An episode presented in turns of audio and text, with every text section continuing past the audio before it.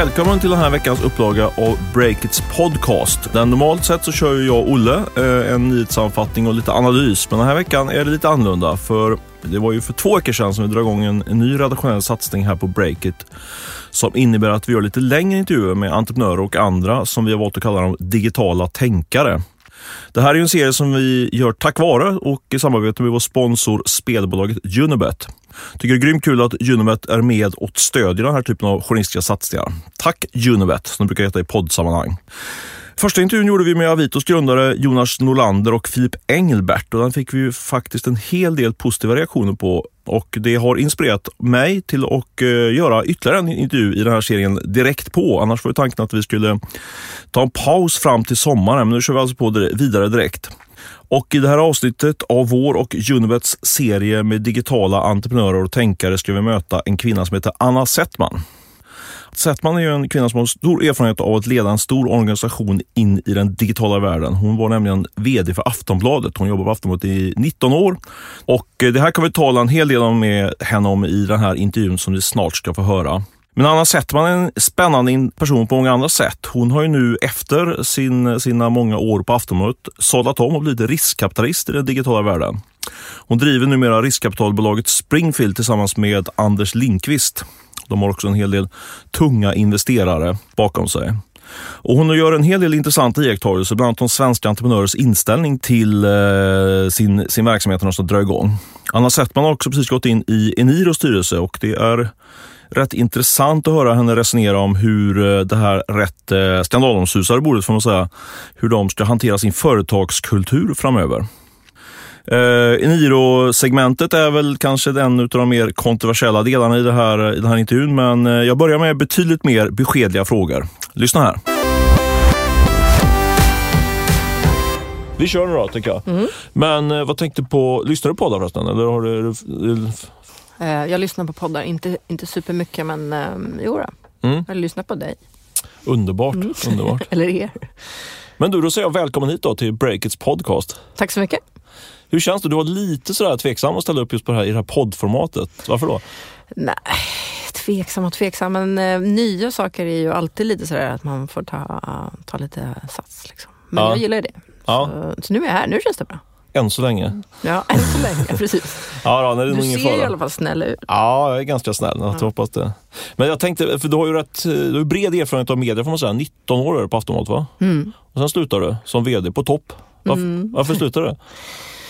Uh, ja, men det är väl flera skäl. Det ena, så där, det kanske helt liksom, uppenbara, är väl att man har jobbat i 19 år så tyckte jag att jag hade liksom varit där lång tid. Mm. Uh, sen är jag som person ganska lojal uh, och då, då kände jag att om jag ska sluta någon gång så måste jag sluta när jag känner att att, att det känns liksom under kontroll och bra. Och så där. För vi befann oss i en, en liksom häftig utmaning och, och hela transformationen. Men då, mm kände jag att nu är det nog en bra tid. För om, om våra prognoser ser ut som de, om det, om det håller det vi tror ska hända så, så kommer det finnas gott om tid för ett, ett duktigt management att liksom ta över. Och, och då kändes det som ett bra, ett bra tillfälle liksom, kliva, mm. kliva vidare.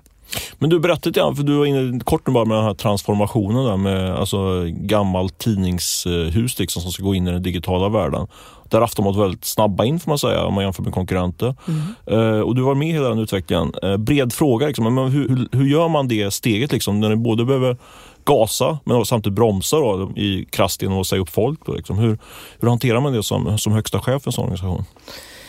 Uh, men jag tror det som du sa ju det lite själv, sådär, det, det är ingenting som är gjort liksom, i en handvändning. Sådär. Uh, det är lite så långkok liksom, att, mm. att, att flytta en organisation. Även om, om det utomstående hotet liksom, i marknaden var uh, ganska tidigt för oss uppenbart. Men, Um, varför var det det tror du? Varför, varför såg ni det tidigare än andra? Då, om man nu ska... Um, jag, jag, skulle tro att Aftonbladets kultur var, var, var unik på det sättet att man, att man vågade se saker. Och sen så fanns det också individer som, som vågade eh, tro och kanske var lite sådär eh, paranoida att det här måste, det här måste ändras. Liksom. Det här kommer inte, siffrorna ser ut så här och det kommer inte ändra sig. Mm. Eh, och så, och så vågade, vågade liksom tro på att, att man måste göra en förändring. Mm. Men då tar det ändå väldigt lång tid för den är ju inte given. Det är inte så att man tror det varje dag. Och särskilt om man, om man skissar på någonting som ska hända i framtiden så, så är det ju oftast så att det inte slår in.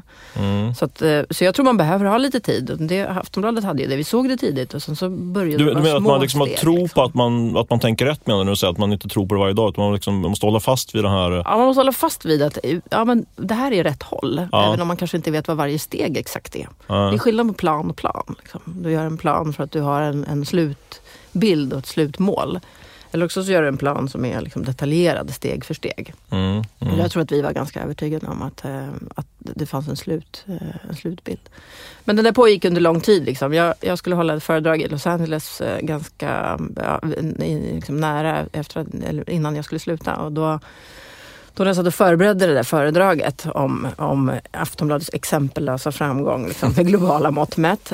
um, då tyckte jag själv, så, men gud, jag har hållit på i 15 år. Um, så vi höll på väldigt länge med att driva förändring. Ända från egentligen vi, vi började satsa på, på nya medier. Mm, mm. Um, så, och sen är det klart att den intensifierades väldigt på slutet. Blev det, hände det ju väldigt, väldigt mycket mer än det kanske gjorde i början. Men fröet såddes nog eh, väldigt, väldigt tidigt ändå. Att det fanns en digital annan verklighet än den printverkligheten vi befann oss i då. Jag förstår att det är många, många beslut som är viktiga, så, men ett beslut som från utomstående känns väldigt viktigt, det var ju liksom köpet av Blocket. Mm. Eh, håller du med om det? Liksom, om du skulle resonera lite grann så här i efterhand, liksom, hur viktig var den affären för, för Aftonbladet? Liksom? Um, ja, men den var ju viktig. Det var någon sorts startskott på en strategi. Um, där, där grunden i den strategin var att journalistiken kommer vara basen och här kommer vi, genom bra, god journalistik så kommer vi kunna attrahera väldigt många människor. Mm. Uh, men, men det kanske finns utmaningar att ta betalt för journalistiken i ett digitalt format kan vi hitta då andra intäktskällor som också bygger på volym. Mm. Och då började vi leta i, i områden som var naturliga för en tidning. Uh, och är man kvällstidning då så har man alltid varit lite avundsjuk på morgontidningarna som har eftertextannonser. Alltså de här små rutorna, cykelsäljes och sådär. Uh, för det är en god inkomstkälla för, för morgontidningar. Um, och då var det ju roligt att hitta ett digitalt bolag som, som gjorde just det. Uh, så att vi kunde eh, komma in på den marknaden mm. utan att ha det i papperstidningen. För idag är det väl en mycket, mycket viktigare affär egentligen om man ser för, liksom, från ett Schibsted-perspektiv jämfört med Aftonbladet.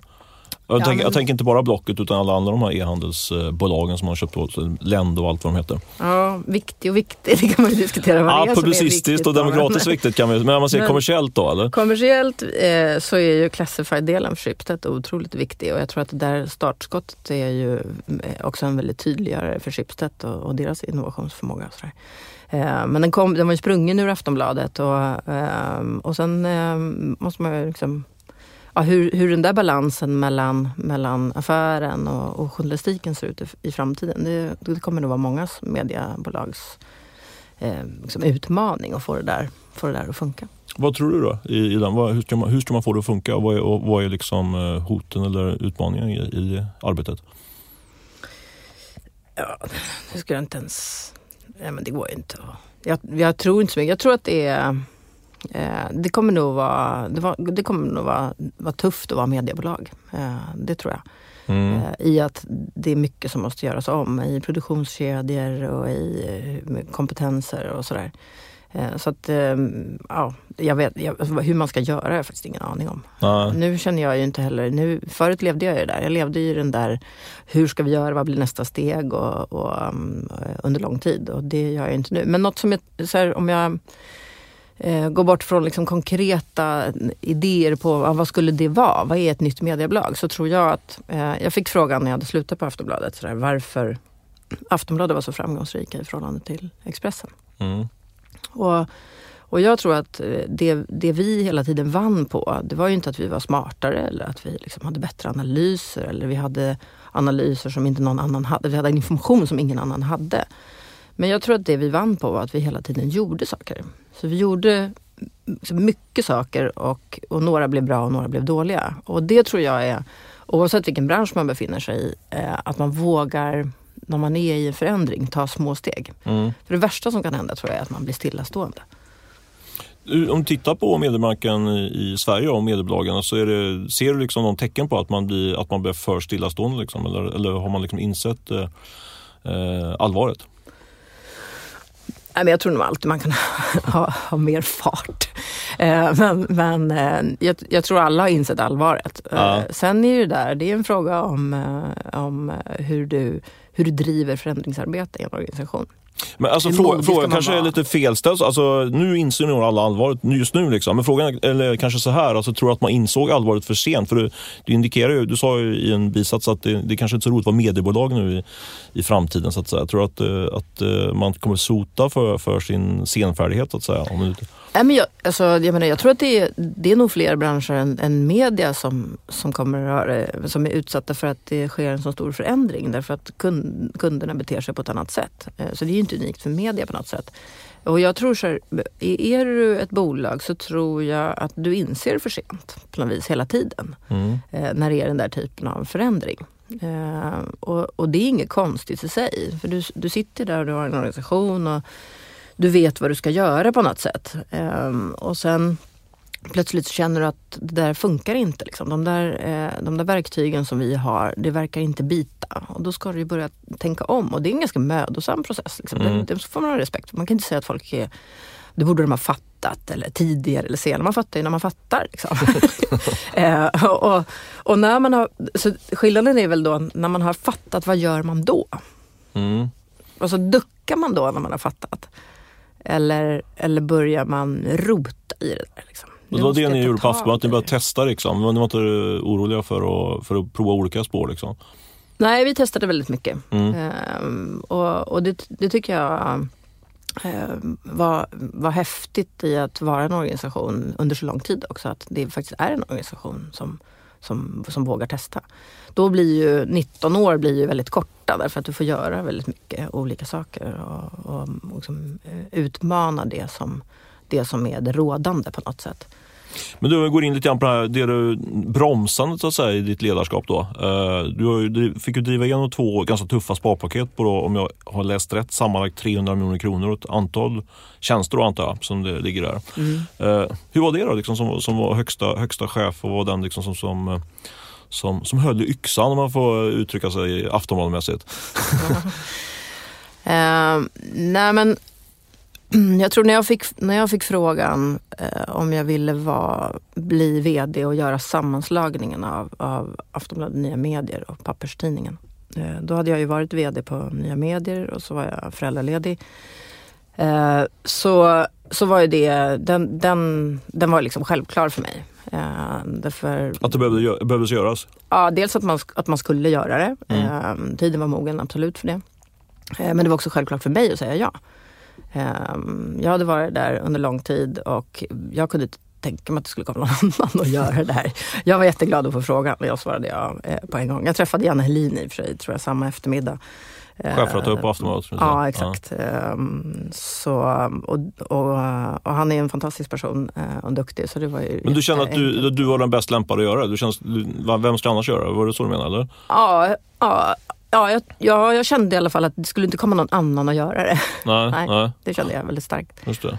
Uh, och då visste jag att det var ju, det var ju inget, inget lätt uppdrag. Uh, det var liksom tre huvudriktningar där. Jag skulle skapa digitala intäkter göra någon sorts liksom, transformation i organisationen eh, när det gäller kompetenser och, och, så. Och sen var det skär så mycket kostnader du kan. Mm. Och det var liksom de tre riktningar som, som jag fick. Mm. Men men att, att tacka ja till jobbet var ju liksom givet. Alltså, jag, vet inte, jag kanske blöder där, men jag, jag skulle tycka bara oh, jobbigt och, när man går in i ett uppdrag som man inser att ja, men nu kommer det vara många som eh, får lämna sin anställning helt enkelt. Hur, hur tänker du kring det? Nej men börjar man tänka på det så då, då, då är det ju jobbigt. För, för det, att, att bli av med sin anställning på ett företag där du har arbetskamrater och du, du har liksom varit lojal och gjort ett bra jobb också eh, mm. under lång tid. Eh, det är ju fruktansvärt. Eh, men jag tror i, i ledarskapet så ligger väl det att acceptera att eh, ja, men det här är en väg framåt. Och den måste, den måste vi gå. Um, och, och ha den där övertygelsen och också faktiskt stå ut med att, att folk blir besvikna och ledsna på en. Ehm, och att det, den, den, den rätten har man som medarbetare. Ehm, men, men samtidigt så har Aftonbladet funnits i väldigt, väldigt lång tid och, och jag kunde se det där som att det där var en period eh, som man får låna Aftonbladet och så ska man se till att Aftonbladet finns lika lång tid eh, vidare och att, att man liksom utvecklar eh, Aftonbladet vidare. Och då, ja, det är klart att, att det inte är roligt att stå och säga att nu ska det här och det här eh, hända men eh, jag vet jag vet när vi, när vi åkte iväg med ledningen eh, och, och liksom jobbade just med vad är det egentligen som behöver hända. Då, eh, då hade vi en, eh, som en beskrivning av Aftonbladet att vi hade varit ett, liksom ett, ett medieblad, en, en papperstidning med en digital del. Mm. Eh, och det hade varit framgångsrikt under ganska, under ganska lång tid. Eh, men brytpunkten Eh, och som jag fick väldigt mycket energi i, det var ju att, att vända på det där och tänka att ja, men vi, är, vi ska vara ett digitalt mediebolag. Verkligen. Mm. Och vi råkar också ge ut en papperstidning. Okay. Och så förstår du, liksom ja. att helt vända på det där. Inte, inte lite lite både och. Utan vi är digitala, det är vårt primära fokus. Och vad är det då för någonting som vi behöver göra? Sen har vi också en papperstidning och den ska vi fortsätta ge ut och vi älskar den och vi kan älska pappersformatet hur mycket som helst. Eh, men, men det är ändå väl väldigt stor skillnad på dem. När satte ni ner foten så tydligt då? Var det, när var det ungefär i tiden? Ja, det var ju när jag, när jag, tog, över som, eh, när jag tog över som VD och vi, vi skulle ta ut den, den där riktningen. Just det. Jag tänkte, du, eh, du sa precis i inledningen i intervjun när jag frågade på varför du slutade. Då, då har du liksom, det kändes som du, när du liksom tatt, eh, du har tagit liksom Aftonbladet huset till, till, en, eh, till en ny nivå liksom och det, var, och, eh, och det låg ja, en stabilitet i organisationen. Men sen efter du slutat så har man ju sett eh, ja, man har fått fort, fortsätta gasa och bromsa samtidigt. Liksom. Jag tänker med din bakgrund då, att du har drivit igenom de här sparpaketen så. Alltså, påverkar det någonting ditt beslut att sluta på Aftonbladet? Att du ändå såg att eh, ja, det kommer komma fler? Alltså, nu, nu har jag lite grann gjort mitt. Eller finns det, ja. Ja, nej det var inte så att jag trodde att, att de inte skulle komma och, eh, och, och då ska man göra dem en gång till. Jag, jag tyckte att jag var färdig med Aftonbladet. Jag tyckte att jag hade gjort, gjort det som jag skulle göra där. Och jag är eh, jag är väldigt lustdriven. Mm. Eh, och och, och liksom att, att jag tog mig dit, liksom, att jag har gjort det jag har gjort och tagit mig dit jag har tagit mig, det är ju någon sorts vad ska man säga, utan att låta superpretto, men det är nog liksom något, det är någon sammantagen erfarenhet. Liksom. Eh, och, och, eh, och jag kände väl en lust och en nyfikenhet på att att byta erfarenhet, liksom, skaffa mig erfarenheter som låg utanför Aftonbladet. Mm. Så det var liksom en kombination av, jag har varit här lång tid, eh, haft väldigt roligt, fått uppleva väldigt mycket. Eh, nu är det ändå stabilt under ett tag, eh, även om det behövs göras nya, nya åtgärder såklart. Eh, och eh, en, en, eh, kände jag en, en, eh, en liksom, nyfikenhet i att göra någonting nytt för, liksom, för mig personligen. Men sen när du slutade då, knappt ett halvår efter då du slutade på bladet så, så blev du VD för MTGs betal-tv-verksamhet. Låg det liksom i planen direkt när du slutade? Eller tänkte du att du skulle ta ett uh, nytt stort uh, operativt jobb? Eller var, eller var det någonting som du blev erbjuden och inte kunde tacka nej till? Eller hur tänkte du liksom efter?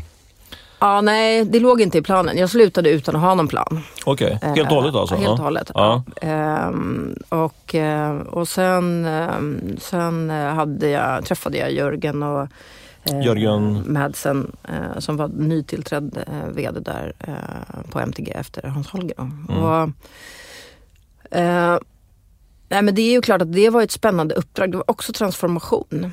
Eh, på samma sätt som Aftonbladet hade, hade haft en transformation. Eh, så, så det kändes väldigt lockande och jag hade jag hade väl en idé om att jag skulle vara utanför en stor organisation. Eh, men den var inte, liksom, den var inte jätte, jättestark. Men, men det var det som var min grundidé när jag slutade. Mm. Men, men MTG-uppdraget var jättespännande och är, det är ett jättespännande eh, uppdrag. Eh, så, men du hoppade av efter tre månader då? Vad var det ja. som hände? Nej, men det, var ing, det var verkligen inget dramatiskt, det är ju säkert ingen som tror på. För att, eh, men, men, men det var inte alls dramatiskt. Jag började där. Jag, min erfarenhet från Aftonbladet är ju väldigt mycket att vara nä, väldigt nära kunden. Eh, och, och MTG är ju superduktiga på väldigt, väldigt mycket. Eh, och jag tycker man måste bestämma sig för eh, när man är, under vilka förutsättningar är man själv som bäst. Eh, och, och jag tyckte inte att matchningen mellan Anna Settman och MTG var på topp. Eh, och då vad var, var det som missmatchade? Var det liksom, vad var... Det, alltså, för mig handlar det mycket om den, den kund, att vara totalt kunddriven. För mig är det helt avgörande för att vara liksom just när man är i transformation eller vilken förändring man än, än, vill, så har man liksom inget facit av hur man tror att det ska bli. Man har bara kundernas agerande här och nu och vad man tror att det liksom blir på sikt eh, som, man, eh, som man kan hålla i sig.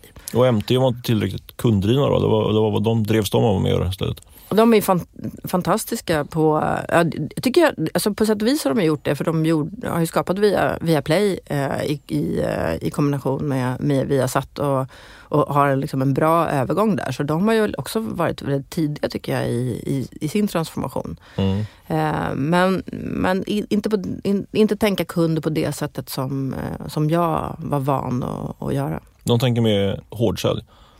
Ja, de är väldigt duktiga på försäljning. Det skulle många i och för sig behöva bli så duktiga på försäljning som, ja. som MTG. Eh, men, men ändå, när man, har, när man har kommit till någon sorts insikt, okej, okay, vad, vad behövs göras här? Eh, då har man ju valet att, att, att göra det eller tänka att ah, men, eh, det kanske är bättre att någon annan gör det. Mm, mm. och då, i det fallet blev det, jag tror att det är bättre att någon annan gör det.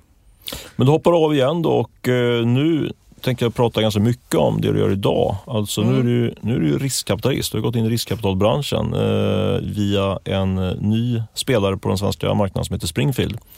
Eh, som investerar i ganska små uppstartsbolag, eh, inkubator kallas det. Eh, hur gick det till? Hur hamnade du i den bespottade riskkapitalbranschen. Nej, är den det? ja, delar av den kanske man säger. Jag tycker att det är, det är en möjliggörare. Att, att kapital kan, kan skapa något nytt. Det är, det, det är kanske det man ska foka på tycker jag. Absolut. Eh, ja, men hur hamnade jag där? Jag, um, jag har ju suttit i en väldigt innovativ kultur under lång tid. Uh, men att, att vara VD på ett bolag eller sitta i ledningen som jag gjorde på Aftonbladet under så lång tid så är det ju ändå eh, att driva eh, innovation och eh, liksom entreprenörskap då i en organisation på någon sorts eh, övergripande nivå. Mm. Eh, och jag, jag tilltalas av det där att, att, att, att då står i det att jag kan få göra någonting nytt och ha lyxen att välja att göra någonting nytt. Så finns det ju någonting häftigt tycker jag i att komma ännu närmare att med, eh, med kapital och med erfarenhet kunna eh, driva bolag till expansion och, och till tillväxt inom helt nya områden. Men samtidigt, liksom, eh, det är ändå en tuff bransch i sin alltså 9 av 10 bolag eh, floppar ju mer eller mindre om man nu ska förenkla Några blir mm. liksom levebrödsföretag men många, många flyger inte. Liksom. Eh, det är också trist för dig då, att ge dig in i en sån bransch. Alltså, det är väldigt svårt att lyckas med, historiskt har det varit svårt att lyckas med den typen av, i de segmenten som ni ger in i, alltså den här tidiga faserna. Hur tänkte du kring det? Liksom? Är du inte rädd att få ett stort fiasko på din CV? nej, nej. Eh, nej, jag vill nog, nej, nej, men jag är inte rädd för det. Men jag, jag har respekt för det. Eh, jag tror att det är svårt. Jag, eh, det är väl några saker tror jag som... Ehm, som eh, dels, dels så finns det ju... Alltså, eh, venturemarknaden är uppdelad i olika i olika steg. Mm. Eh, och, och, och, det är uppenbart ur ett entreprenörsperspektiv är det uppenbart att det behövs kapital i de här eh, liksom, eh, mindre, i de, i, på lägre nivå i de här tidiga skedena. Mm. Eh, och, och, och det har inte riktigt liksom, funkat strukturerat i, i Sverige. I USA gör det det lite mer.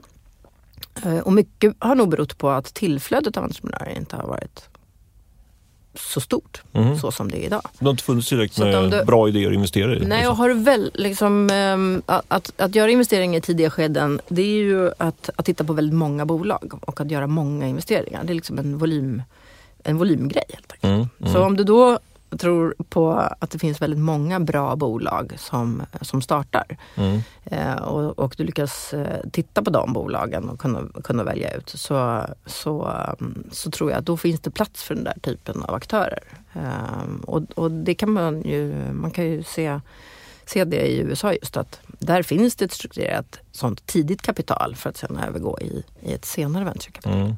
Men du såg liksom en möjlighet att dels att eh, den här bulken av duktiga entreprenörer börjar, börjar växa liksom i, i Stockholm och Sverige eh, och att det fanns rätt få eh, konkurrenter i det segmentet. Det var liksom det som eh, säga, låg bakom din, din analys att du skulle gå in, liksom, ditt beslutsunderlag för varför du skulle gå in i det här, det här segmentet? Ja, det, ja, det tycker jag är intressant. Eh, och sen som jag sa förut, jag är ju lustdriven. Mm. Eh, så att jag, eh, för mig vad är det som skapar lust i det här då? I det där är det just det att, att kunna eh, kunna, fylla en, kunna fylla en plats där, där det inte har funnits några. Eh, det har funnits änglar och det finns, eh, det, det, finns sätt att få kapital men att göra det strukturerat och, och att, eh, att, att, bygga det med, med personer eh, som, som själva har varit entreprenörer, vilket är det som, som Springfield väldigt mycket bygger på. Vi är ju inte en fond i traditionell bemärkelse utan vi är ett, ett aktiebolag. Eh, och, och, och, vi kan liksom använda erfarenhet och kapital för att få de här bolagen att växa. Det är ju superroligt. Igår hade vi en sån genomlysning med, med entreprenörer som kom, kom och pitchade för att, för att de har sökt eh, till den omgång som startar i vår. Mm. Eh, och det är ju otroligt roligt. Alltså, mellan fem och nio så kommer det bolag och berättar om vad de vill göra. Och du vet, när jag går hem där på kvällen så är man ju supertaggad. Verkligen. Ja, det är ju ja. jätteroligt. Sen, sen kan jag också förstå att ja, men, eh, det är bara ett på tio som kommer flyga. ja. Men just då i stunden så är det ju otroligt roligt. Skulle du berätta lite grann om strukturen på Springfield? Du har varit inne lite grann på det, men om du skulle, liksom, om du skulle pitcha in Springfield för eh, potentiella entreprenörer och uh, lyssnare. Ja, då går det till så här. Då. Springfield investerar mellan 300 och 500 000 i, i liksom det, det, tidiga, det tidiga skedet. Vi gör det två gånger om året. Så mm. vi har en höstomgång och en våromgång. Och då tar ni in hur många bolag då ungefär? Ungefär tio. Mm. Eh, vi startade i augusti förra året eh, och då tog vi in på hösten sju bolag eh, som då initialt kommer in i ett tre program där vi veckovis samlar gruppen av entreprenörer tillsammans med eh, de investment managers och de personer som vi knyter till, till Springfield på olika sätt. Och det är etablerade, tidigare, eller nuvarande, det är ofta entreprenörer eller? Som ja. Är... Vi vill ju att de personer som ska, vara, som ska stötta och coacha och driva bolagen ska ha en egen, eh, en, liksom en, en, egen erfarenhet att luta sig mot och ha gjort, ha gjort det själva. Egentligen. Men man skulle kunna säga att det är liksom någon form av drivhus eller turbo, turboeffekt på bolagen under tre månader. Och sen så, vad händer sen då när de är, när de är klara med programmet? Så att säga? Ja, Pengarna sitt, kanske är borta. Då, då går de sitt, eh, i det där programmet eh, och sen Eh, då har vi levt ganska nära de här bolagen eh, och har en väldigt tydlig bild av utmaningarna och möjligheterna och hur teamet är sammansatt och sådär. Mm. Och då eh, kan Springfield göra ytterligare en in, in, investering på en, liksom en mindre A-runda mellan 2 och 5 miljoner. Mm. För att ta dem, ta dem till nästa, nästa nivå. Hur många, om vi säger att ni tar in 10 i varje omgång, hur många hoppas ni ska vara liksom mogna för att göra den här lilla A-rundan som du kallar 3-5 miljoner kronor då, ungefär? Det, det, får vi väl se. Vi har ju, nu har vi haft sju, eh, mm. eh, sju bolag inne så vi får väl se. Det är, det är svårt att liksom gissa på det eh, innan. Men, men, det måste ni fundera på innan ni... Ja, ett par? ett par stycken, ja just det, just det. Ett par, är det två alltid eller? Ja, det brukar, i min värld brukar det vara tre, fyra stycken sådär. Ja, men, ja. men du, eh, eh, jag vet att ni har eh, andra planer också för Springfield. Kan du berätta om det? Alltså, ni skulle lite, grann eh, öka takten, kan man säga så? Uh, ja, men alltså, vi har ju jättestarka investerare uh, som, som står bakom oss. Uh, och, um, och de, um, de är liksom långsiktiga i sin, sin investering. Så, så jag tror så här, jag inte... Jag gillar ju att liksom jobba på. så att det som, det som vi gör nu är att vi vi, liksom, vi har en, en bra liksom, investeringskapacitet i att kunna gå på 3 till 500 000 i tio bolag på hösten och 10 bolag på våren. Mm. Och, vi kan göra tilläggsinvesteringar på mellan 2 och 10 miljoner. Just det. Så, att, eh, så vi, vi känner oss eh, liksom star starka i det och, och uthålliga liksom, mm, mm. i att, eh, att hitta de där bolagen och, och, och, kunna just överbrygga den här eh, fasen där, du inte har, där det är svårt för entreprenörerna att få kapital innan de riktigt har, har bevisat sig att vi kan, kan driva det vidare. Så det. nej, men det, är en, det är en seriös satsning, absolut. Ja. Eh, med, med starka, duktiga entreprenörer. Staffan Persson som är en av dem eh, investerarna, han, han har ju själv varit liksom aktiv eh, investerare och entreprenör i 25 år. Investerar i Breakit också, kanske tillägga för transparensens skull här. Exakt, så vi är båda i beroende av Staffan. Ja, men exakt. Staffans pengar. Mm. Eh, men, men jag antar att det här liksom är en långsiktig satsning. Vad ser du fram, eh, för, jag menar, de här investeringarna gör man ju på lång sikt. Så att säga. Vad ser Ja. du framför dig liksom, eh, på, eh, låt säga, eller hur lång, hur lång är den här satsningen för dig? Kanske man fråga eftersom du hoppar av för tre månader på MT. Ja, nej, men det har jag redan slagit. Jag började, jag gick in som styrelseordförande i, i augusti någon gång. ja. Eh, Så det är redan passerat. Är nej, bra. men jag, det här är jätteroligt. Jag, jag tycker kombinationen av att eh, um, liksom, kun, kunna använda den erfarenhet som jag har och som, som, eh, som de andra som är engagerade i Springfield har. Och vi har ju jätteduktiga, drivna, bra personer med. Mm. Ehm, så, så, så ja, det här ska vi hålla på med ett tag. Men vad ser du framför dig om, om, liksom drar, om fyra, fem år någonting? När du liksom haft ett, då har du haft hundratals bolag i, i, inne så att säga. Vad, hur stort kan det vara då? Vad, liksom, om du skulle skissa lite grann på, på någonting som du inte kommer ta ansvar, behöver ta ansvar för, för ingen som kommer ihåg efter de fem år. Men liksom, vad, vad ser du för visioner liksom, för, för Springfield? Nej men det är klart att vi, vi, vi gör ju inte det där, eh, det är inte någon liksom, att vi, sitter där och inte tror att vi ska hitta, vi vill hitta några riktigt bra bolag Mm. eh, som, som, kan, som kan växa och som kan göra skillnad och hitta de, de duktiga entreprenörerna. Vad menar du bra bolag? Om skulle- Alltså, Ja, men jag tänker inte hålla på och räkna på det. Jag tänker inte säga någon siffra till dig. Nej, Nej. nej, nej, men jag tänker inte siffror. Jag tänker mer liksom, tänker du bra, tänker du, eh, alltså för ni har, jag vet ju att ni har eh, Y Combinator som, eh, som lite förebild i USA. De har ju liksom varit med i, i några av de största bolagen i världen, liksom, Uber och Facebook och allt vad det är för något. Ja. Har ni liksom samma ambition att vi ska driva fram nästa, vad vet jag, Spotify eller nästa Klarna? Eller har, liksom, har ni satt upp det som en målbild också? Ja, men det finns ju väldigt många duktiga svenska bolag och de flesta börjar ju eh, liksom, precis så som det med våra entreprenörer som, som, som kom eh, och, och pitchade, kommer till oss på kvällarna och pitchar. Mm. Eh, vi vill göra det här. Eh, så, så nej men eh, om, om, det, om, det är ett, eh, om det är ett Truecaller eller om det är ett Spotify, så, ja, det, då är det superroligt. Eh, verkligen. Men, eh, Men är, är, det, är det visionen att, ni ska, att ska vara med och driva fram ett, eller, ett eller, några, eller flera sådana i den nivån? Liksom, eller är det... Ja, man kan, ju välja, man kan ju välja ett eller flera. Man kan ju ta eh, flera eh, som kanske inte blir så stora eller också eh, ett som blir jättestort. Men det är klart det vore ju jätteroligt om det var så. Ja. Jag tänker på, ni, ni får ju, du träffar ju, du måste ha träffat hundratals entreprenörer vid det här laget va? Jag tänker med alla som varit med och pitchat i, är det så? Mm, ja, det kan nog närma sig det faktiskt. Ni kommer ju få, i alla fall på sikt kommer ni få en väldigt bra överblick liksom, över det svenska entreprenörslandskapet liksom, in, Mm. inom, skulle vi säga inom tech är det som ni investerar va? Fram, Mm, företrädesvis. Eh, alltså vad skulle, utifrån det, den liksom, kunskapsbasen, vad, vad ser du liksom, för trender just nu? Liksom? Vilka, vilka segment är heta? Och vad, ser man, kan du se, skissa på några, några sådana trender? Eh, ja, men hela liksom, eh, ja, det, jag tror att det finns några områden som, som eh, står inför. Det har ju varit en, en hel del kring, kring media. Eh, nu tycker jag det, det som är tydligast är ju liksom allt kring den delade ekonomin. Eh, Med, vad tänker du på media när du säger att du varit... Ja men som Spotify till exempel. Ja, just det. Mm. Och, eh, men men, Men nu är det del- delningsekonomi. delade- delningsekonomin tycker jag, den är ju jättespännande för den skär så rakt igenom så många branscher som är, där det kanske inte har hänt något på, på väldigt länge. Ja. Eh, väldigt liksom, tydliga aktörer och, och där, där det har funnits liksom, en tydlig struktur som ingen har gett sig på för det finns liksom ingen anledning. Men som kund kanske man inte tycker att det är toppen. Mm. Typ transporter.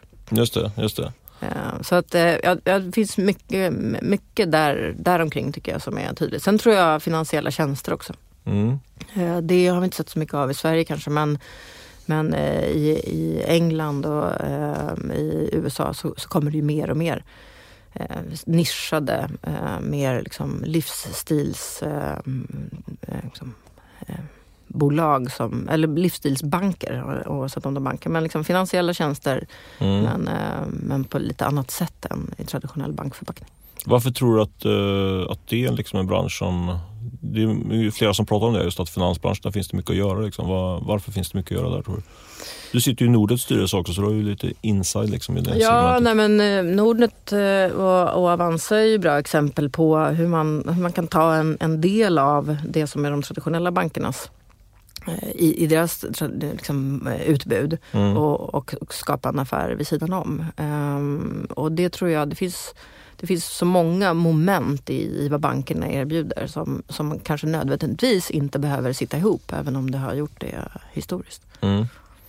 Men finansiella tjänster och eh, delningsekonomin då, det är två segment. Du, Mm. Är det framförallt de du skulle lyfta fram eller finns det ytterligare något- segment som du tycker är spännande just nu? Jag vet inte. Något som jag själv tycker sådär från, från min tid på media, eh, inom media, det är ju liksom allting kring eh, ett nischat intresse.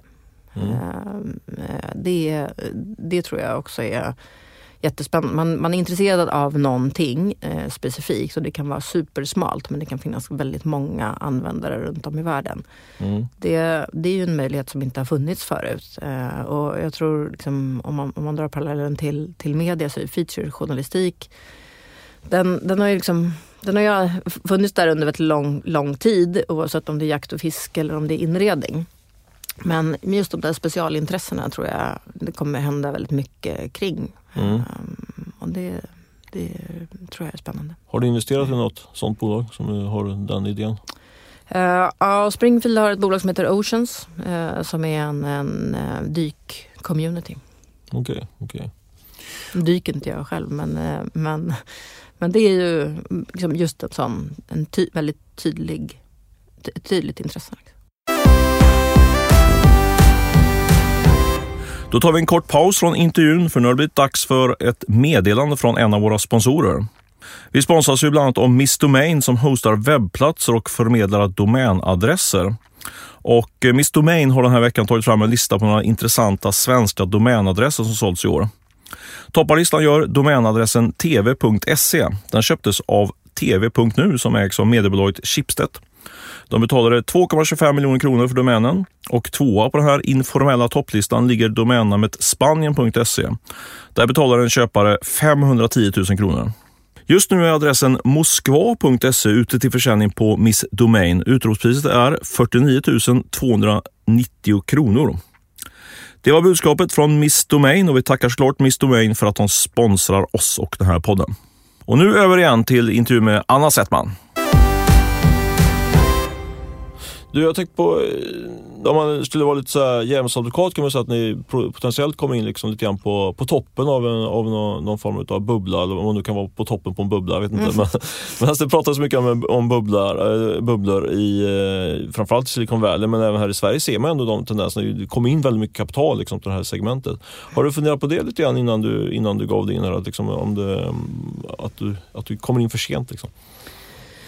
Um, Nej, men så kan det ju vara. Men det som jag, det som jag har varit imponerad av nu när vi tittar på, på väldigt många startups, det är ju hur långt, hur långt man kan komma på lite resurser.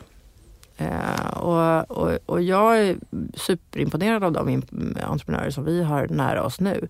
Hur, hur de jobbar väldigt liksom, eh, strukturerat. Eh, det är, man är, man är liksom väldigt mån om att, att eh, hela tiden kunna mäta resultat från början. Och, och, och man, man kommer som sagt väldigt långt på lite kapital. Mm.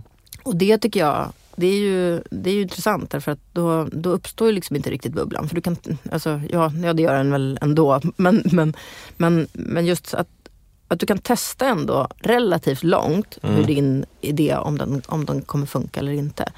Eh, med små medel. Just det. För att då, och då, om det nu är en bubbla så är det inte så mycket pengar som går upp i rök kan man säga. Alltså, för det kostar inte så mycket. Man behöver inte investera så mycket i sin startup för att kunna testa den i alla fall. Då. Nej, jag menar, vi investerade 3 till 500 000 i det första skedet. Mm. Och, och, och ja, de, det hade jag suttit på Aftonbladet och någon hade kommit och haft en idé.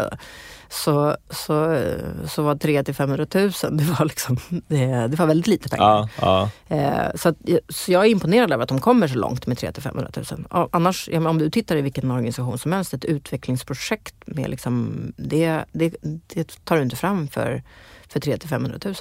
Vad tror du, det är lite spännande tycker jag. Vad tror du att, eh, kanske svår fråga, men eh, när du har jobbat i en jättestor organisation och nu sitter du och kan se liksom, startups, hur de jobbar. Liksom. Vad tror du, skulle, skulle de kunna, liksom, startups kunna korsbefrukta liksom, stora organisationer på något sätt? Man kunna ta den modellen in i, i stora organisationer?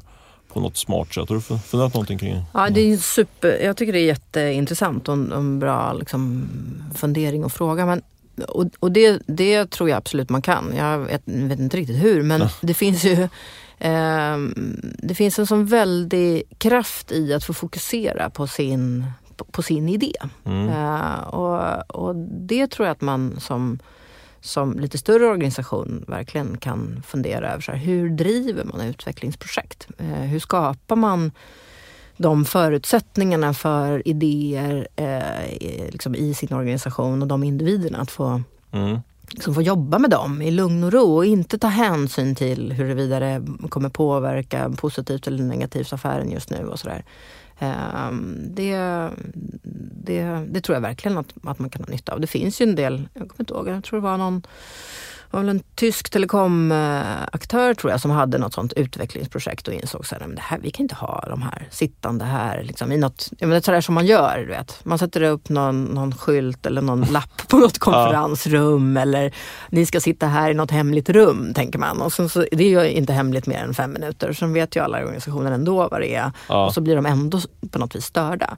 Eh, så de, de la ju ut, eh, la ut de där idéerna i en sån här coworking space-plats. Eh, och sen så sa de, okej okay, vi har de här idéerna, Vem, vilka vill jobba med de här? Just det. Och sen så satt de där och sen så jobbade de. nu hade det varit superbra om jag hade kunnat sagt, och vet du vilka bra idéer de kom fram med? det, det, vet jag inte, för det, ändå har jag glömt det eller också fick jag aldrig reda på det. Men men det är viktigt faktiskt att man sitter utanför, att... liksom, utanför organisationen rent fysiskt. Ja, jag tror att det, jag tror att det är, är viktigt. Jag mm. vet eh, när, när Schibsted satsade på, på Omni så, så satt de eh, utan liksom, offsite. Sådär. Jag, tror det. är, jag, jag, tror att det är bra. Mm. Omni. Mm.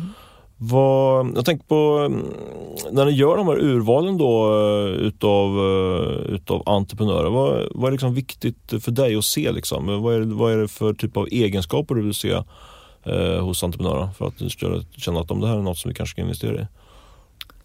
Um, jag har nog kanske jag har, nog, jag har nog ändrat mig lite tror jag faktiskt. Mm. Jag tror att jag eh, eh, kanske mer gick på eh, är det här en person som jag tror liksom kan förändra världen? Alltså, själva liksom, kraften i individen i någon sorts... Eh, liksom karisma mer? Kari liksom, ja, eller? precis. Lite kanske mer ja. så här, är det en sång och danskvinna eller man? eh, sådär. Eh, till att faktiskt fundera över, är det här en person som har ett, en stark övertygelse men som genom samtal och dialog är, är beredd att eh, ifrågasätta sina egna sanningar. Alltså ta inte ta råd, för då, då kan man lätt hamna i att ja, men, du pratar med en och sen så har du en idé och sen pratar du med en till och så ändrar du ståndpunkt. Mm. Um, det handlar inte om tycker jag, men, men att, uh, att driva någon, starta någonting och driva någonting som är nytt uh, handlar ju väldigt mycket om att anpassa och, och liksom kunna se vad, vad var rätt teser och antaganden som vi hade och vilka var fel. Mm. Så jag försöker nog bedöma, är det här en person som, som har sin övertygelse om slutmålet men, men är, är beredd att ta in råd och erfarenhet under vägen? Just det. Det tycker jag är en viktig, en viktig parameter.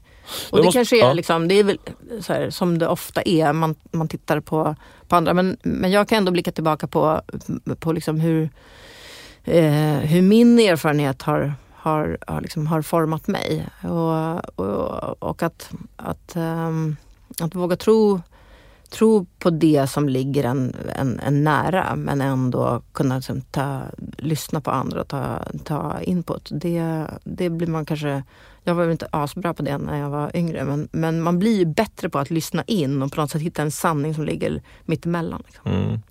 Men svår balansgång kan jag tänka när man har det här långsiktiga målet och så får man, ska man ändå lyssna in och sen så inte lyssna för mycket. Alltså det, ja, det är en det, konst det, liksom. Ja men verkligen, det är ju supersvårt. Ja. Ehm, och det går ju inte...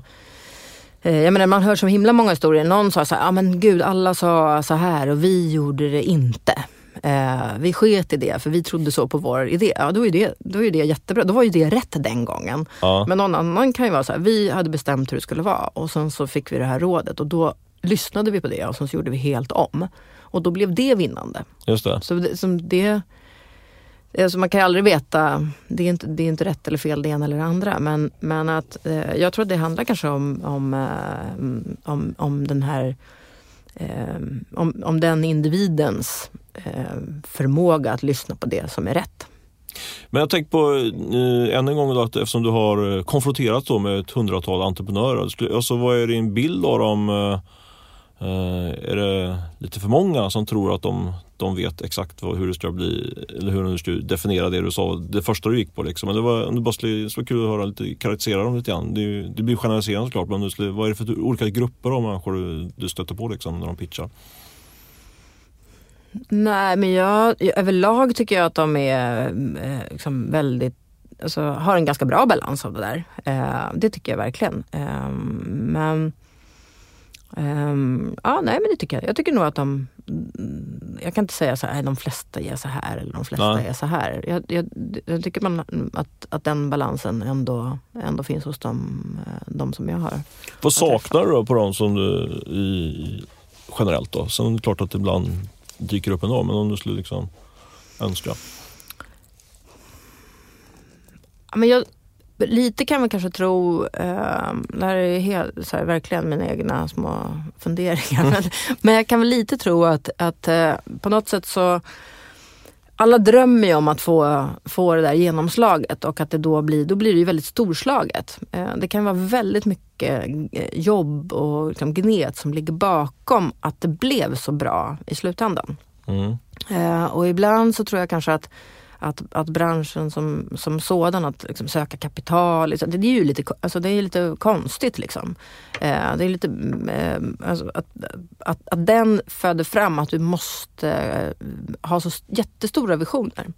Så jag kan ibland tänka så här, ja, men om ni bara är jätteduktiga på den här smala nischen, just den här målgruppen eller regionen eller vad det nu är och bevisar er där. Mm. Att det, det kan ju faktiskt räcka för att sen eh, liksom, jobba vidare.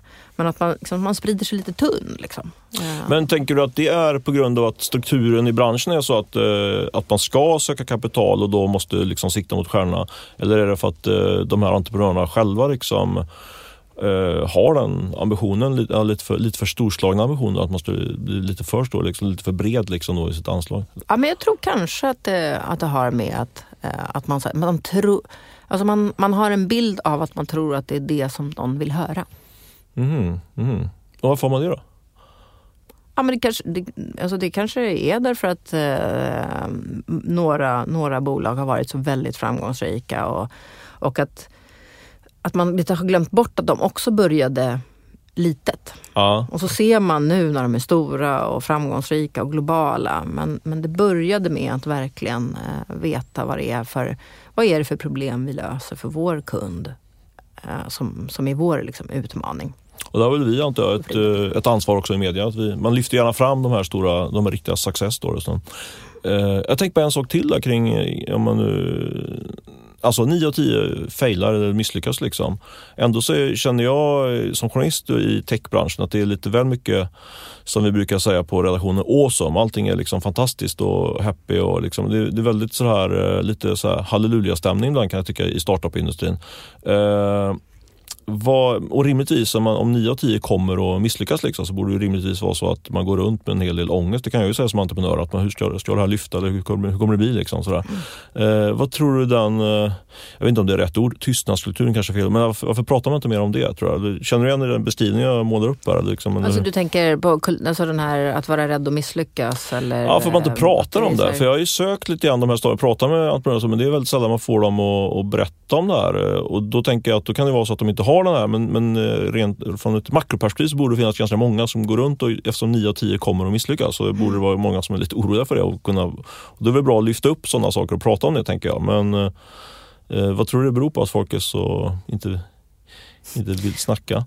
Ja, jag vet inte men lite tänker jag att om man nu bestämmer sig för att man ska göra något nytt, så kan, alltså även om det är så att det, att det kan bli dåligt, så kan man liksom inte gå runt och tänka på det.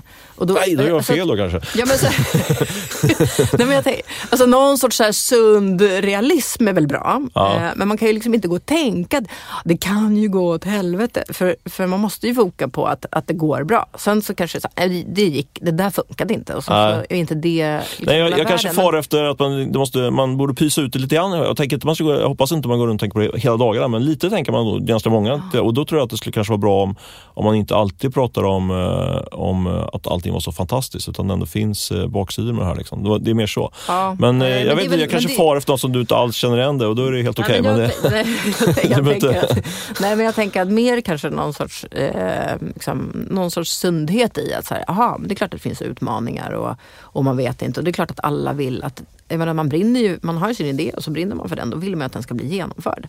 Såklart. Eh, men eh, ja, jag vet inte. Jag, ja, nej. Mm, mm.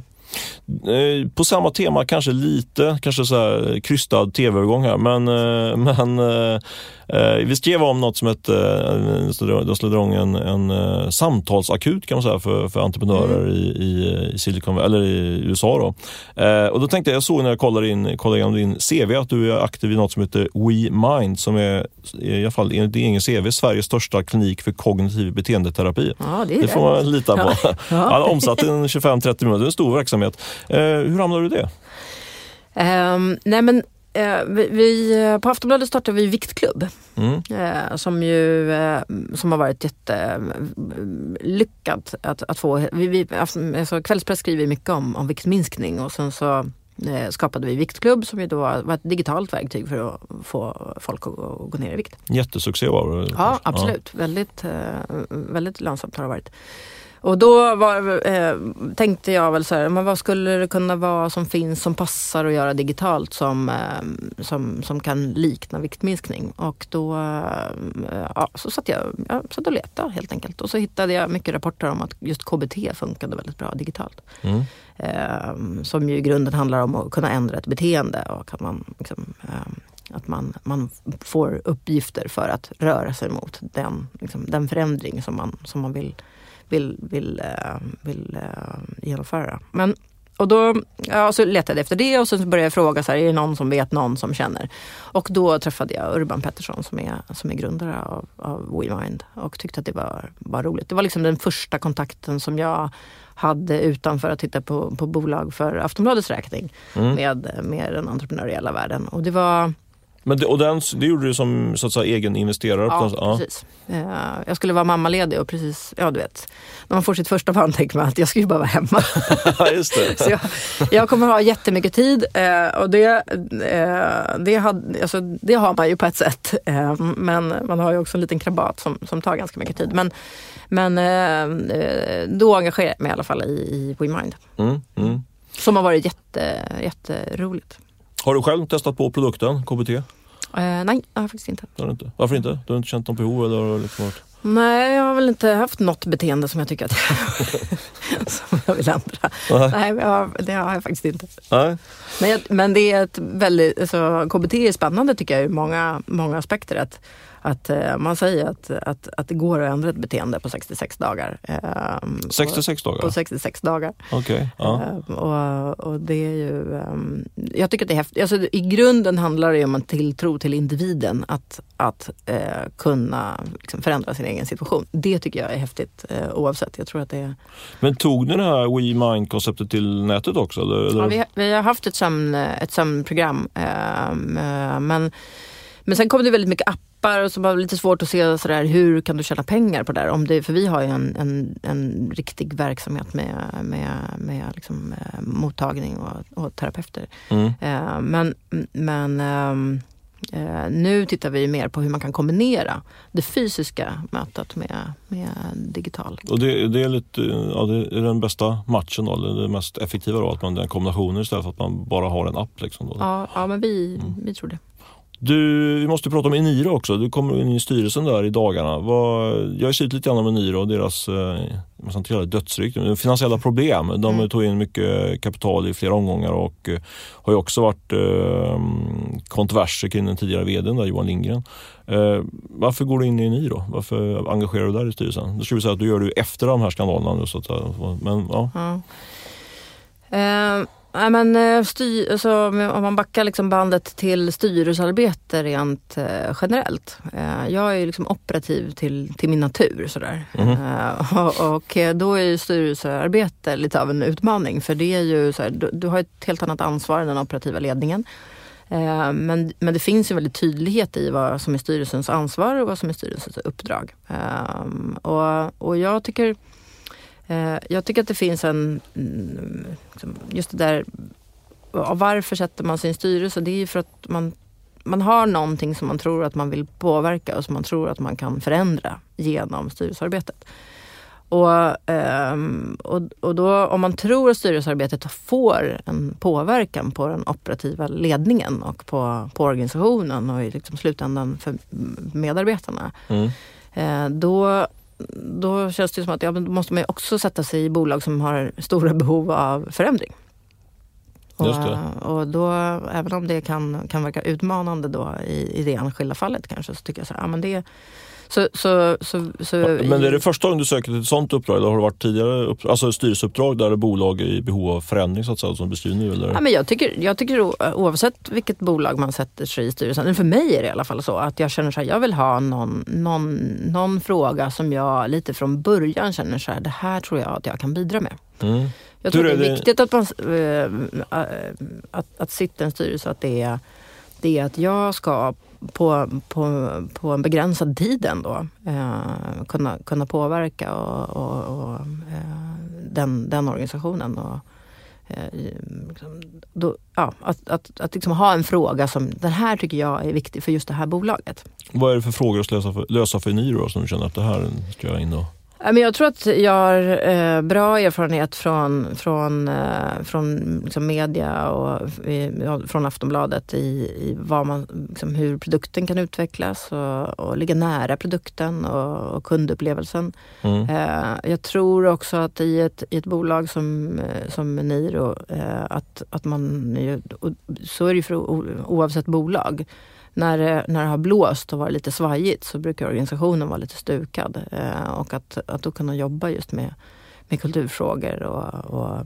hur, hur, liksom, hur, hur bolaget vad har vi för kultur i mm. bolaget och så. Och det tycker jag är, det är ju en underskattad fråga, eh, kanske på styrelsenivå. Men, företagskulturen. Företagskultur. Ja. Varför, varför tycker du att den är underskattad? Därför att jag, jag tror att de, eh, när, man, när man vill förändra någonting, och det vill ju nästan alla bolag, det är ju få sällan, sällan som bolag kan känna att ah, det här funkar bra och det här fortsätter vi med. Uh. Då, det, det är väl kanske det enda bolag jag skulle känna att jag inte skulle sätta mig om man uh. inte ville driva förändring. Men eh, då, då tror jag att eh, då, då blir kulturfrågorna en del en, en stark del av, av, eh, av att lyckas vrida om och se att det är det här vi ska göra mm. um, och påverka det. Och eh, hur sätter man en stark företagskultur? Är det att man har en tydlig vision? Eller liksom hur, hur, förstår jag att det är en stor fråga, men jag tror att du, du har funderat rätt mycket på de frågorna. Hur, vad, vad, gör du liksom för att få, få det vinnande företagskulturkonceptet? Um, Ja, dels tror jag vinnandet i sig är ganska eh, viktigt. Ja. Eh, att man bestämmer sig för att man ska vinna något. Okej. Ja. Alltså att det är så här, vi är här för att vi vill, vi vill eh, göra någonting bättre än alla andra. Mm. Eh, men, men, eh, Och definiera den eh, nischen tillräckligt eh, snävt då så man verkligen kan, det finns en realism i det då kan jag tänka. Eller, Mm. ja. mm, Mm. eh, och, och, och också att man... Eh, så de, de flesta bolag har ju värderingar eh, och jobbar med värderingar och de blir ju oftast liksom generella. Mm. Men att man också använder, använder det där och kopplar det till beteenden. Eh, att, att det är så här vi gör och det är så här vi, den här, är en, den, den här typen av, vi lyfter upp frågor eller vi, vi hanterar frågor på det här sättet och vi bemöter varandra på det här sättet. Eh, och vill man ha en innovativ företagskultur så, så kan man inte, man kan liksom inte Kontroll och kreativitet, eh, är ju liksom, de är, det finns en motsättning dem emellan. Mm. Mm. Men, men de, de behöver ju finnas där båda två. Och hur- liksom, hur, hur växeldrar du liksom, i kontrolldelen och i kreativitetsdelen? Mm. Mm. Eh, tycker jag är superintressant och, eh, och det är ju väldigt mycket en ledarutmaning att, att göra det. På vilket sätt har, liksom, eh, om jag tolkar det rätt, Eniro då Proemi sin företagskultur? Ja, nu har jag inte, eh, jag har inte börjat än. Nej, men jag antar att du har gjort en analys innan du går in i, i eh, ett sånt arbete. Men jag tror alla bolag som, alla bolag som ska göra, som, som, som behöver ändra någonting eh, och är det, som i deras fall där det har varit väldigt stormigt så tror jag då finns ett ännu större behov av att veta vart man faktiskt är på väg. Mm. Eh, och det är ju den operativa ledningens ansvar att, att, att, att göra det. Men det är ju styrelsens ansvar att se till att den, att den finns där och att det finns en tydlig väg eh, vart, man, vart man ska framåt. Mm. Du går in i styrelsen med, tillsammans med Cecilia Lager som du satt i styrelsen med DIBS. Är det Mm. liksom en tillfällighet eller är det något som, eh, som eh, ska ses som en tanke? Eh, nej men vi satt ju tillsammans i styrelsen i DIBS, Cecilia och jag och, och hon är otroligt duktig och driven och en, en väldigt liksom, jättebra person verkligen. Mm. Eh, och det är väl en annan sån, förutom att jag tycker att det är, att det är viktigt att ha några frågor som man, som man kanske fokuserar på i, i styrelsen för att få liksom, just den där eh, variationen av olika kompetenser och olika infallsvinklar i styrelsen. Så, så en annan sån är att det kan vara bra att veta att man är mer än en som har en samsyn. Mm. Det, det kan vara bra att veta att man kan eh, kroka arm med någon i vissa frågor. Mm. Och Cecilia och jag, vi har ju ändå eh, jobbat en del ihop. Eh, och, eh, och, så jag är jätte, liksom, jätteglad att vi går i, i, dit ihop. Därför att vi har eh, liksom, teamat och jobbat ihop eh, tidigare. Och ni har samma syn på att, eh, att det finns eh, saker att jobba med när det gäller Eniros företagskultur? Liksom. Har ni identifierat dem det tillsammans? Liksom? Nej, Så- nej, Inte, så, inte så tydligt. Utan mer så här, man vet att det finns någon som, som eh, har Ja, som delar synsätt där man har jobbat tajt tillsammans. Mm. och det kan ju vara liksom på många olika sätt. Sen så har, har Cecilia säkert sina sina, liksom, sina hon har ju sitt perspektiv och jag kan ha mitt perspektiv. Mm. Men, men just när man kommer in ny i en styrelse så, så är det bra. I, i Nordnets fall till exempel så så, så sitter Anna Frick i, i styrelsen också för Nordnet som har liksom en djup, lång kommunikationsbakgrund. Mm. Eh, och, och då är det, då, det var bra för mig därför att vi, vi kunde ha vissa frågor där vi var väldigt, liksom, eh, hade en väldigt samsyn eh, och, och en kompetens som kanske övriga styrelsen inte hade. Sara, om jag krokar mig fast i det här just med företagskulturen, men bara så jag får det rätt, liksom, hur du tänker kring eh, att företagskulturen i eh, Eniro bör ses över, så att säga. Det, det, är en, där du tror du kan tillföra någonting? Eller? Och så överhuvudtaget organisationer underskattar värdet av en företagskultur. Mm. Ehm, och, och, och det har inte så stor betydelse om, det är, om man är många eller om man är få. Ehm, men, men annars så ligger ju, om man, inte, om man inte är noga med att ha en företagskultur, så ligger ju tolkningen av vad det är vi ska göra här på varje enskild individ. Och då är det svåra, och det tror jag är så här, om du tittar på entreprenörsbolag, där är det så otro, oftast är det väldigt tydligt, därför att det utgår ifrån entreprenörerna. Eh, och då, då sätts det någon sorts eh, kultur utifrån hur de är och då kommer man in som medarbetare så, så, så hamnar man väldigt tydligt i det därför att det är väldigt starkt. Eh, och jag, jag tror eh, liksom starka bolag som har funnits över lång tid eh, som, som har starka ägare är, har också en, en stark företagskultur. Jag tror inte att det är en slump. Utan jag tror att, eh, att, att man behöver, och har man då, är man ett bolag som inte har en lång historik i liksom, det här är, den här är familjen som har drivit det. Eh, eller det här är de väldigt starka entreprenörerna om man är i en stark uppbyggnadsfas. Om man är ett bolag som har funnits under lång tid och där, det har, där, det kommit, där, där ledningar byts ut, vilket är helt naturligt. Mm. Så tror jag att man behöver jobba med kulturfrågan mycket. Och det är ju av flera skäl. Så här, att, att till exempel kunna attrahera rätt talanger och få folk att välja att de bästa att jobba på det bolaget i förhållande till ett annat bolag. Och så är vi fallet med Niro som har haft en väldigt svag ägarbild med massa, massa fonder och liknande. Nu har de en betydligt starkare form av Staffan Persson men det kanske är något som, som finns någonting att jobba på då, helt enkelt då, kring i den. Mm. Mm. Du, eh, vi ska snart runda av men jag tyckte två frågor till. Eh, jag gjorde intervju med Sebastian Semakovic på, jag lär aldrig uttala hans efternamn, men någonting åt det hållet, Semakovski mm. tror jag. Eh, han är grundare av Klarna och han var väldigt tydlig i vad som var drivkraften för honom och, i sitt företag. Det var, och det var att bli rik helt enkelt. Mm. Eh, kan du känna igen dig någonting i det eller vad driver dig annars? Uh, nej, jag, jag är mer, eller mer, jag vet inte, han är säkert det också. Men för, för mig, uh, jag är lustdriven. Jag mm. blir ganska dålig tycker jag själv om jag, om jag inte tycker att det är, är roligt det jag gör. Uh, och att jag, jag, jag, jag, tycker också om nya sammanhang. Och, och, och, och liksom, nu, är jag ju, nu gör jag ju någonting helt annat än det jag gjorde förut. Och, Eh, det, det, finns något väldigt roligt i det tycker jag, just den där nyfikenheten av att känna att så här, det, här är, det här är nytt. Det här, eh, det här är något jag inte riktigt kan. Eh, de här delarna märker jag är samma. Här hade jag en erfarenhet som jag kan kroka i. Här finns det nya områden som, eh, och det, och det, det tycker jag är det, det, är viktigt för mig att, att eh, liksom, utvecklas och kunna använda erfarenheten jag har men, men göra det lite i nya sammanhang. Grymt, då börjar jag känna mig nöjd. Uh, känner du dig nöjd? Eller någon mer fråga du ställt? Sådär, eller som du tänkte att när du gick hit att det här skulle jag verkligen vilja få fram? Eller? Nej, nej det tycker jag inte. Det var, det var bra. Du har läst på bra tycker jag. Ja, tack så du ja. Tack för att du kom hit. Tack. Då ska jag också säga stort tack till er som har lyssnat på den här intervjun. Hoppas ni tyckte att det var lika intressant att ta del av Anna Settmans tankar och erfarenheter som jag gjorde. Jag hoppas också att vi snart kan vara tillbaka med ytterligare en intervju i den här serien med digitala tänkare och entreprenörer. Klart är i alla fall att vi kommer köra fyra intervjuer i samarbete med Unibet i Almedalen i sommar. Eh, och där kommer vi komma med mer information när det närmar sig. Men redan nästa vecka är vi såklart tillbaka med ett nytt avsnitt av Breakits podcast. Och glöm inte att gå in på breakit.se där vi levererar nya nyheter och analyser i realtid på daglig basis. Det här avsnittet producerades och klipptes av Beppo ljudproduktion. Ha det bra, hej hej!